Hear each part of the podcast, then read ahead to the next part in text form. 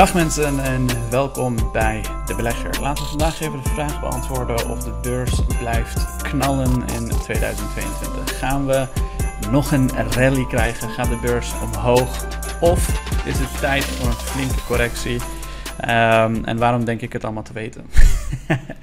um, ik ga in ieder geval mijn mening vertellen. Ik ga je vertellen wat ik een beetje geobserveerd heb. En dan uh, gaan we vooral naar bijvoorbeeld een aantal uh, valuations uh, kijken. Uh, en ik zal je mijn gedachten geven over wat er met technologie gaat gebeuren. Allereerst laten we stil zijn bij wat er vandaag gebeurd is. Vandaag heeft de S&P 500, oftewel de 500 meest winstgevende Amerikaanse bedrijven, hebben, ehm, heeft vandaag simpelweg een hoogterecord gebroken. Zij is op de allerhoogste stand ooit gesloten. Net boven de allerhoogste stand een aantal weken terug in november.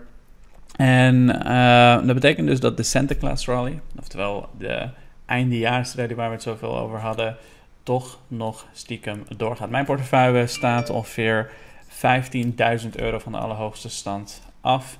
Dat betekent dus dat we ongeveer 3 lager zitten dan de all-time high in mijn portefeuille. Dus die Santa Claus Rally, wel die um, kerstrally, hoe je het ook wil noemen, eindejaarsrally, is wel degelijk enigszins tot nu toe een feit. We hebben nog een aantal dagen te gaan, laten zien wat de beurs daadwerkelijk gaat doen. Maar uh, wat ik je wil laten zien, allereerst voordat we doorgaan naar waarom ik denk dat de beurs daadwerkelijk zou kunnen gaan knallen, ook volgend jaar. En zo niet, alleen maar goed nieuws voor iemand zoals ik, die voor de lange termijn belegt en uh, regelmatig ook bij gaat kopen waar ik kansen zie. Uh, laten we eerst even kijken naar de uh, map. Deze map heb je al vaak voorbij zien komen inmiddels als je vaste luisteraar bent. Maar als je kijkt naar welke bedrijven het vandaag goed hebben gedaan, Apple 2%, Microsoft 2%, Google lichte plus, Amazon die, uh, dat, die, die is al een jaar lang uh, niet winstgevend. Wordt op zich wel interessant om verder in te duiken. Tesla gaat omhoog, Facebook gaat 3% omhoog. Um, vrijwel alle techbedrijven die doen het dus vandaag goed. Salesforce gaat omhoog, 2%, enzovoorts, enzovoorts. Um, entertainment doet het niet zo heel goed vandaag. Met name bedrijven zoals Roku, uh, Disney, Netflix. Relatief licht roodachtig. Ook telecom doet het vandaag niet goed. Uh, Energy doet het fantastisch als je kijkt naar al die oliebedrijven. Echt ongelooflijk uh, hard aan het groeien allemaal. Uh, Appa die heeft een samenwerking gesloten met een bedrijf in Egypte. Die doet het ook ontzettend goed. Niet een bedrijf in Egypte, maar de Egyptische overheid. Die geeft ze 900 miljoen geloof ik. Al met al zie je dus dat technologie de beurs Um, eigenlijk een beetje aan het dragen. Zoals je inmiddels weet, technologie, oftewel de FANG names, de grote techbedrijven, Amazon, Google, Facebook, Amazon, of Apple, Microsoft. Dat zijn de bedrijven die de beurs op dit moment hard aan het helpen zijn. Ook Nvidia, een bedrijf die in mijn portefeuille een hele grote positie is geworden inmiddels, die drijven de markt. En uh, dat is ook specifiek de reden waarom ik denk dat in 2022 en 2023 en 2024 en misschien wel tot en met 25 dat de beurs nog enorm hard kan gaan stijgen. Uh, en met enorm bedoel ik op zijn minst gemiddeld. Ik denk niet dat we dezelfde rendementen krijgen als de afgelopen twee, uh, drie jaar. En nogmaals, dit is mijn mening, dit is geen beleggingsadvies. Ga niet op alles wat ik als een gewone duurt vind handelen. Maar ik denk dat de beurs wel degelijk staat voor een um, goede rally de komende jaren. En laten we even kijken naar waarom ik dat denk. Laten we eerst even kijken naar de valuation van Apple. Apple is in prijs, laten we zeggen, best wel flink gestegen. Als we kijken naar 2018 was het ongeveer 54 per aandeel. Als we kijken naar nu, drie jaar later, 176 per aandeel. Als we kijken naar de winst, earnings, earnings per share, dan zie je ook flink gestegen van uh, eh, 3 euro, van uh, ja, 3 dollar in 2018 naar ongeveer bijna 6 dollar in 2021. Um, als je kijkt naar de price-to-earnings ratio, staat het nu op 31 price-to-earnings ratio. Um, de afgelopen tijd, je ziet dat Apple redelijk cyclisch is. Hè? Je ziet altijd een stijging in de EPS en dan daalt het even en stijgt het en dan daalt het, stijgt het, dan daalt het. Het heeft wel echt cyclussen continu. Ook met de nieuwe iPhones en dergelijke die uitkomen. Maar eigenlijk dit jaar hebben ze enorme winsten geboekt. De, de, de earnings per share is echt belachelijk hard uh, gestegen. Niet alleen omdat ze meer winst zijn gaan maken, maar ook omdat ze meer eigen aandelen terug hebben gekocht. En qua earnings per share uh, ziet het er wel redelijk uh, duur uit. Maar als ze deze groei kunnen blijven vasthouden, dan valt het op zich wel mee. Maar Apple is misschien wel een van de hoogst gewaardeerde uh, nou, grote techbedrijven op dit moment, laten we zeggen. Als je kijkt naar een bedrijf als Google. Google heeft een price-to-earnings ratio nu, oftewel een koers-winstverhouding van 28. Als je een beetje naar achteren gaat en je kijkt in 2019, dan zie je dat ze eigenlijk veel lager staan dan in 2019. Als je kijkt naar 2018 hadden ze een price-to-earnings ratio van 58. Ze hadden hier uh, volgens mij een boete gekregen, een enorme boete, waardoor de earnings per share wat lager was uh, dan normaal.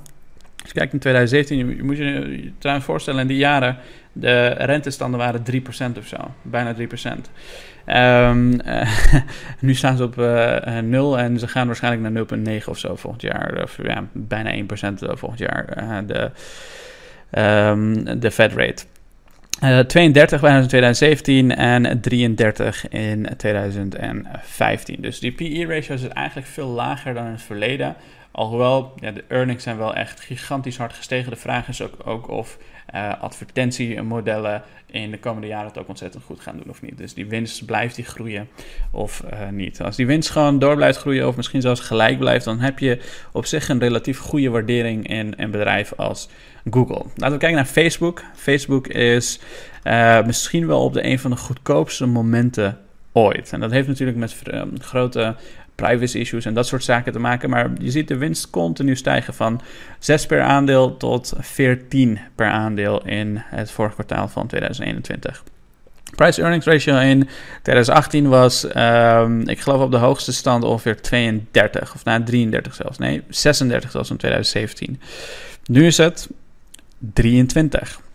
Als we kijken naar Nvidia, dit is een bedrijf die natuurlijk veel minder een uh, bedrijf zoals de FANG is, dan zie je dat, dat het een van de hoogste PE-ratios heeft. Dus als je kijkt naar de grote FANG-names, Google, Facebook, Apple, Amazon, Microsoft, al die verschillende bedrijven hebben op zich geen slechte waarderingen als we het historisch gaan vergelijken. Um, en dit zijn ook bedrijven die de komende jaren waarschijnlijk nog steeds grote winsten gaan boeken, grote groei gaan boeken. Zelfs in economisch barre, slechte tijden gaan ze het nog steeds goed doen. En als die bedrijven het goed doen, dan gaat de markt, en dan heb ik het over de SP 500, ook daarmee omhoog. En zo niet, dan blijft het op zijn minst stabiel. Want nogmaals, dit zijn bedrijven die 30, 40 procent van de hele SP 500 uitmaken en dus een enorme marktaandeel hebben in heel die markt. Wat je ook moet voorstellen is dat, met, de komende jaren dat uh, inflatie waarschijnlijk langzaamaan gaat afzwakken dat uh, de economie waarschijnlijk open gaat de komende, uh, nou, uh, in ieder geval na de eerste half jaar. Dat is in ieder geval wel de verwachting. En als al die verschillende dingen op die manier zich zo uitspelen, dan kan het niet anders dan dat de markt blijft stijgen. Nogmaals, niet alle aandelen, maar de markt heeft een hele grote kans om te stijgen. Want als je kijkt naar Nvidia bijvoorbeeld, een groeiaandeel. Um, nu we toch het over groeiaandelen hebben, ik denk dat groeiaandelen het komend jaar waarschijnlijk in de eerste helft moeilijk gaan krijgen. Ik denk dat die angst, onzekerheid eh, rondom rentestanden, rondom inflatie, uh, rondom Omicron-variant, dat die nog wel heel even blijven. Ik denk dat je bijvoorbeeld bedrijven zoals Nvidia. Um, ja, de vraag is of een PE van 91, die historisch gezien ontzettend hoog is uh, voor een bedrijf als Nvidia, of die wel sustainable is. Dat betekent dus of de prijs moet omlaag of ze moeten belachelijk veel winst gaan maken. Beide zijn mogelijk. Of de prijs moet stabiel blijven en ze moeten een hogere winst boeken. Ook dat is natuurlijk een mogelijkheid. Um, dus bedrijven als Nvidia, Shopify, ook Shopify die uh, heeft de afgelopen tijd, staat een van de laagste punten, maar dat komt door een uh, eenmalig uh, gebeuren op hun balance sheet. Um, de Trade Desk bijvoorbeeld staat op een van de hoogste punten als we kijken naar 2020.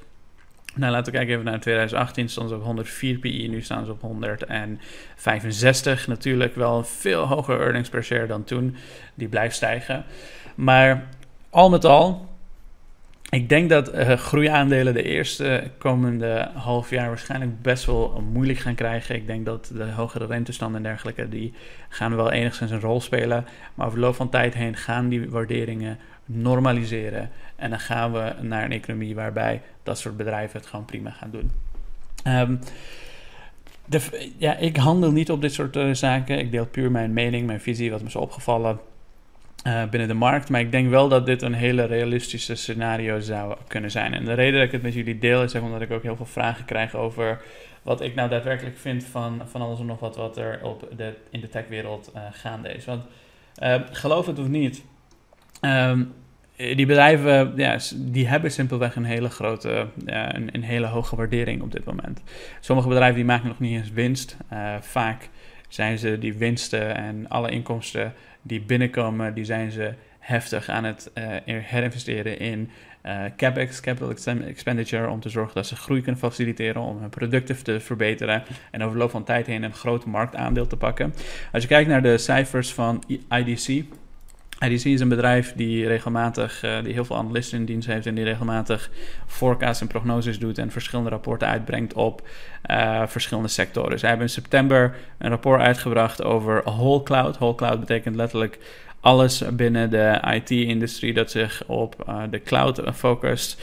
Niet alleen cloud services, maar ook hardware, software. Alles wat met uh, de cloud supply chain en professional managed services, bijvoorbeeld een uh, AvePoint opportunities, in de cloud zich afspeelt.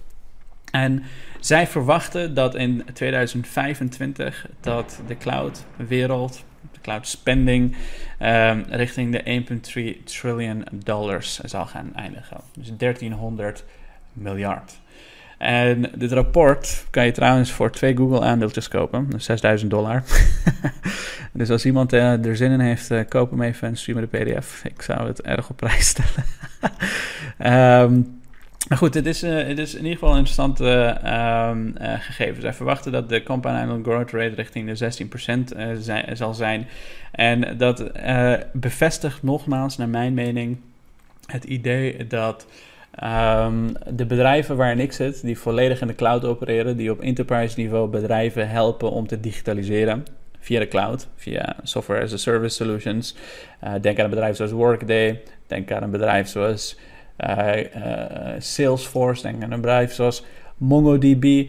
Al die verschillende bedrijven die helpen andere bedrijven om hun bedrijven te verbeteren, efficiënter te worden enzovoorts. En dat, die spending gaat niet omlaag. Ja, de koersen kunnen eventueel dalen. Ja, de valuations zijn misschien wat, wat hoger dan normaal. Uh, maar zoals een goede lange termijn belegger het betaamt, zijn dat voor mij persoonlijk momenten om bij te kopen. Dat zijn de kansen waarop ik wacht op momenten dat de beurs omlaag gaat, dat die aandelen wat goedkoper worden. En ik massaal kan profiteren van die beursdaling. Want dit zijn bedrijven die de komende jaren het gewoon prima gaan doen. Uh, ze gaan profiteren van de hogere spending. Ze gaan profiteren van het feit dat digitalisering uh, wereldwijd ge, uh, algemeen geaccepteerd wordt. En dat laten ze ook keer op keer elk kwartaal over het algemeen terugzien. En zolang ze dat terug blijven zien, zolang ze dat goed en slim herinvesteren, en dat is waar je onderzoek ook, uh, waar mijn onderzoek ook naar uitgaat, om te bepalen of die bedrijven dat blijven doen, denk ik dat we een rally blijven krijgen de komende jaren. Ondanks dat er heel veel onzekerheid is, ondanks dat er heel veel heisa heerst, ondanks dat er heel veel um, um, uh, verschillende en geluiden heersen over hogere inflatie, hyperinflatie, hogere rente enzovoorts. Denk ik dat deze bedrijven het de komende jaren nog steeds fantastisch doen. Alle trends zien er goed uit, alle cijfers zien er goed uit. Mocht dat veranderen, ja, uh, dan verandert ook mijn mening. Maar voorlopig ziet het er allemaal naar mijn mening erg goed uit. En daarmee hoop ik de vraag van vandaag behandeld te hebben. Dank voor het kijken en nog een hele fijne avond.